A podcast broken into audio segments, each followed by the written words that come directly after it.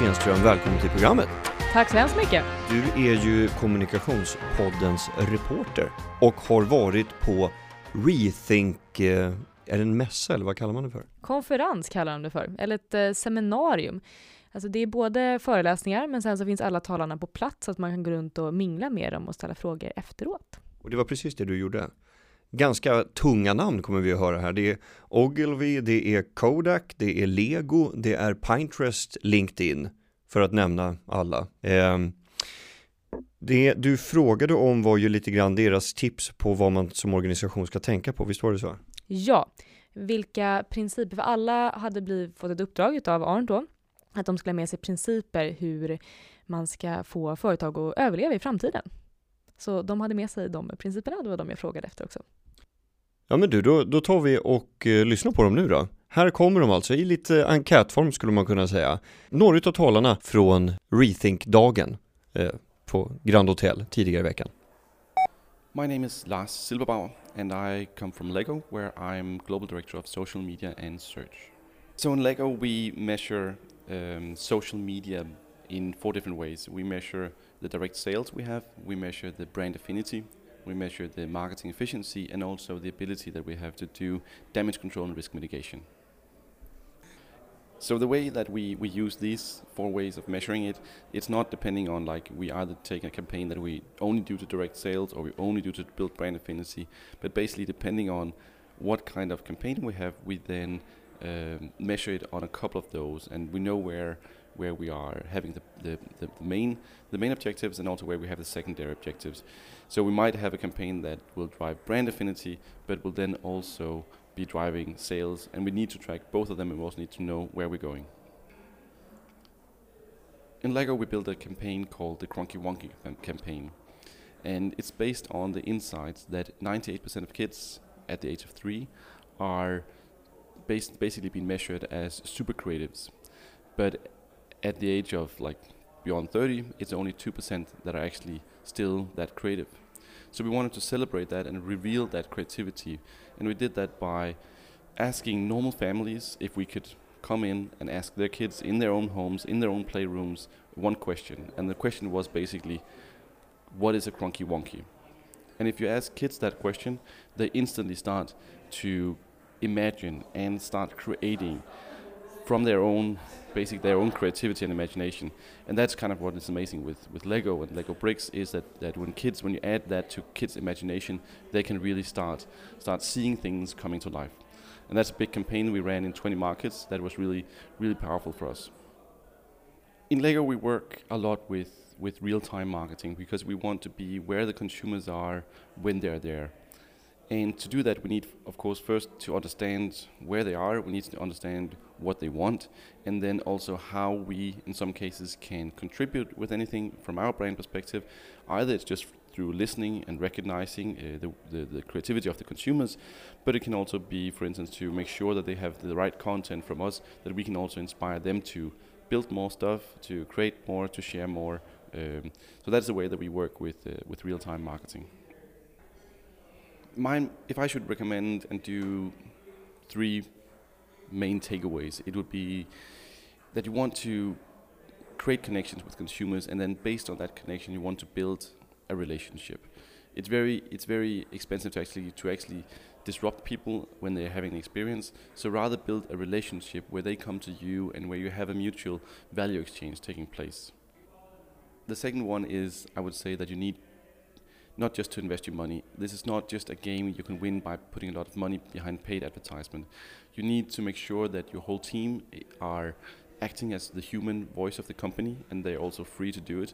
So we don't put a lot of effort into creating huge playbooks. We believe in creating competencies and building, building, building the competencies with the with the teams, so they can actually take that conversation, also the tough conversation sometimes, uh, on behalf of the brand, but still represent and still act like human beings and and thirdly, I think it's about as a company finding out where your brand can be the first mover. Like you shouldn't be first movers on everything, but you should have something in the areas where you can be the first ones out there. So it's about being brave and do stuff that others haven't done before. My name is Afonso. I work for LinkedIn.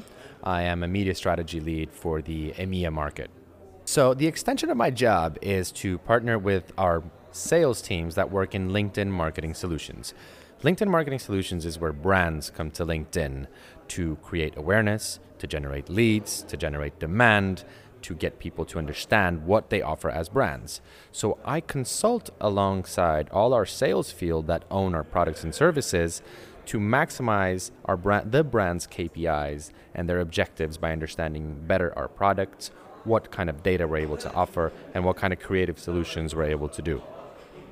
That can be anything from understand from creating a media package that actually helps them understand what kind of publishing they should do on a Monday or on a Thursday and how that could be different by using different products of ours, to even being, for in some cases, uh, an API type solution where data is used elsewhere. And there are thresholds and licensings that need to happen behind this, but many things are possible.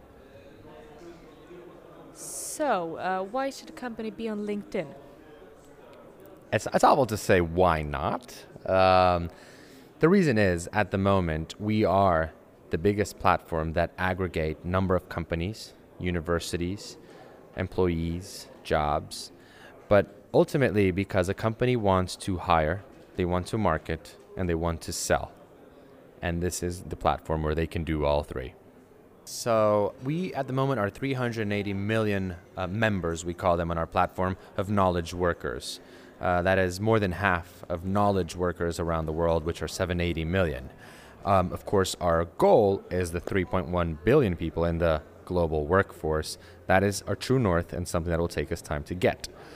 Other stats behind this is, for example, I don't remember the number of jobs by heart, but we have, for example, eight times more engagement with branded content than actual jobs.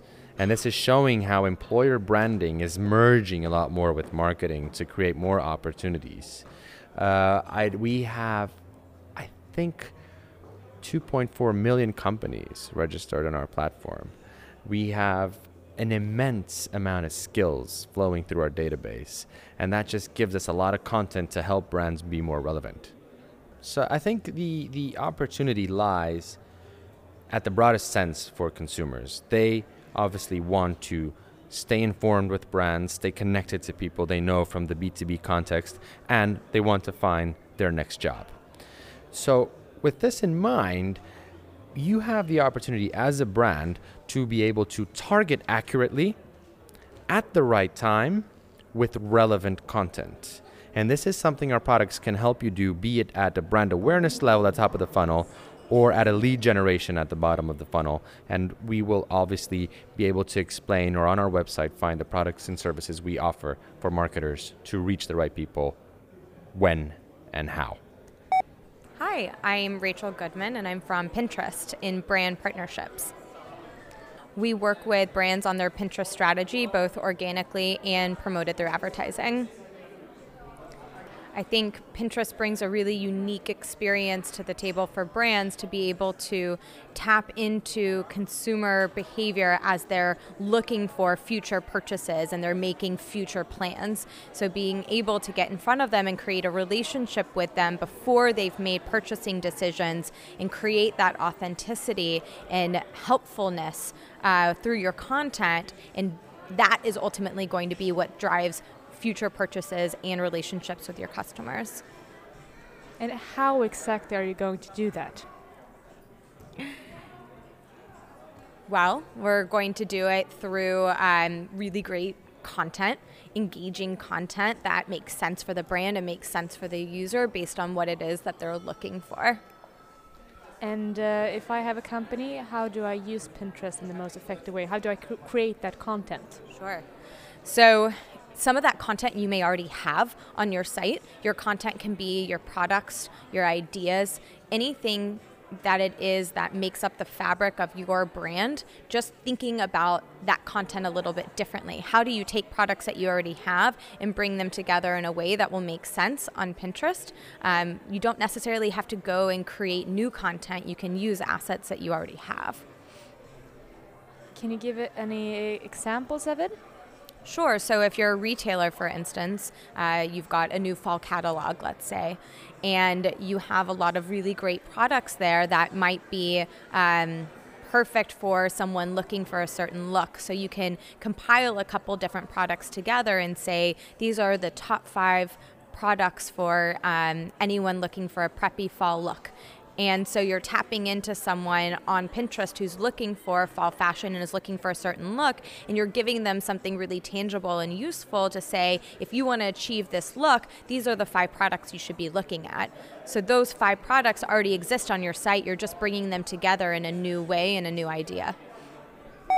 Uh, my name's Danny Atkins. I'm from the UK and from Kodak. Um, at Kodak, I'm the global brand director. So, so the insights I have really are about figuring out what assets that you have and then capitalizing on that on those assets. In addition to that, it's about identifying a story and putting your products at the heart of that story and ensuring that the story is authentic. So in our case, we have a founder, George Eastman, who put a marketing idea right at the heart of his company. You press the button, we do the rest. We are resurrecting that idea and telling that story again, and it's increasingly becoming part of our product strategy and vision. Kodak is an awesome brand. Currently, we're largely a B2B print business. Um, we're in some. I've often heard it said that we're a brand without a company, um, and so part of my job at Kodak is, is around reinvigorating the brand, driving transformation through through through brand. Um, so we've been working on a series of pro- projects to bring the brand back to life. Um, so, so a lot of what we're doing is, is about driving transformation through the company and using brands and, and the brand story to drive that transformation. Uh, can you tell me about how you're using Hollywood to uh, to drive change? So uh, we, are using, uh, we, we have awesome connections to Hollywood. Um, many movies like Star Wars, like Spectre, a lot of the movies you see in the cinema today are um, made with Kodak film. Um, and so what we're doing is working with our advocates in Hollywood, J.J. Abrams, Christopher Nolan, who shot Interstellar, um, to bring Kodak very much from the back of the film to the front of the film. So it's a real innovation. Lots of brands pay um, millions of dollars to be associated with um, with Hollywood movies. And up to the, up to this date, we've really undercapitalized on our close connections with Hollywood. So a key part of our strategy is in leveraging and amplifying those relationships in Hollywood we, we're launching a number of new products via our brand license um, portfolio. Um, we have the Pixpro 360, which is a 360 degree 4K camera um, aimed at the prosumer space. It's very much in old Kodak's um, category of imaging. So we're bringing new products that help us tell the story and where our consumers are already familiar with us and our products. So we have a whole gamut of new products that we'll be launching in 2016 that are all centered around the imaging and imaging technology. Um, as, as you saw from my slides, uh, the brand is extremely salient in imaging and, and so we're looking to capitalize on that and bring new products to market. And we will be utilizing our talent and collaborations in the creative sector in order to um, amplify that, that product story um, through social and through digital. We're using um, Instagram, particularly, and YouTube to drive our content currently. Um, we are looking at new platforms like Pinterest, and one of the things that I thought was very interesting about the presentation that we had today was how welcome brands are in the Pinterest community. I think that's what really differentiates Pinterest from some of the other um, social media feeds like Instagram, um, whereby you know permission to play as a brand, you, you know, can particularly if you're advertising, can be quite challenging. Um, we typically use Instagram to share share interesting and relevant content to our followers and to our users rather than to push a sales message. It's much more about sharing interesting things visually that kind of help tell our brand story rather than actual sales. I'm Marshall Manson. Uh, I'm the managing director of social for Ogilvy and Mather for Europe, the Middle East, and Africa. So, principles for the future of marketing. Um, I think it's all about earned. Uh, it's all about earning attention. And if we earn attention, we can earn space. And if we can earn space, we can earn scale.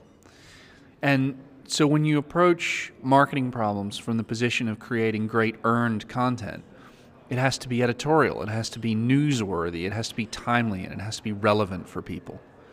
And then if you apply that to social media, it's all about moving beyond community into micro targeting. It's all about understanding what audiences want and creating content for them rather than only creating the content that we want to create. Sure. So, an example from the presentation. Um, my favorite is the work we- have done recently for British Airways, where we targeted um, expat Brits living in the US. And we targeted them with content that was created just for them.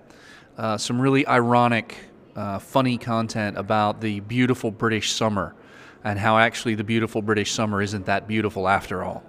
And we invited them to interact with the content and then buy tickets to come back home to Britain. Um, and many of them did interact with the content, uh, hundreds of thousands. Uh, and many of them bought tickets, well above the targets that we set for ourselves. And so, by creating content that really spoke to their interest, spoke to who they were, um, and creating it just for them, ultimately we achieved a big business result for British Airways. Advertising and Instagram, um, it's a tricky one. It wasn't that long ago that the two Instagram founders were actually reviewing every single ad that was going to run in Instagram and approving them before they ran. And now they've sort of opened Instagram up to every advertiser, no matter how big or small. And unfortunately, the result is that there's a lot of clutter. There's a lot of really bad um, content being published and paid for. Uh, and so I'm keen to let that situation shake out for a little while and to see how the landscape in Instagram evolves um, before we go back in with some of our big brand clients. At the moment, there's just too much clutter. Där hörde vi dem alltså. Eh, och eh, det var de talarna som vi på Kommunikationspodden, eller Martina på Kommunikationspodden hade fått tag i. Så om du själv skulle summera de här slutsatserna som talarna har dragit, vad skulle du säga att de kom fram till? Vad är viktigt att tänka på just nu? Content och influencers. Eh, framförallt att skapa bra innehåll, eh, publicistiskt innehåll som står för sig självt och eh, att jobba med eh, brand advocates, eh, människor i nätverk, att tillvara på de som redan gillar varumärket, men även hitta profiler som talar till samma målgrupp och få dem att prata om varumärket. Ungefär det som Storstad jobbar med alltså? Ungefär så ja. Och influencers, det är ungefär, ja det är jag det. Ja, typ så. Ja, då vet ni vad ni ska höra av er om ni vill ligga i framkant alltså. Max Landegård på kommunikationspodd. Så ja, ut, helt utan ödmjukhet men med bra ljud i alla fall. Kommunikationspodden som vi, ja, och vi hörs ju nästa vecka. Ha det bra, hej! Tack och hej!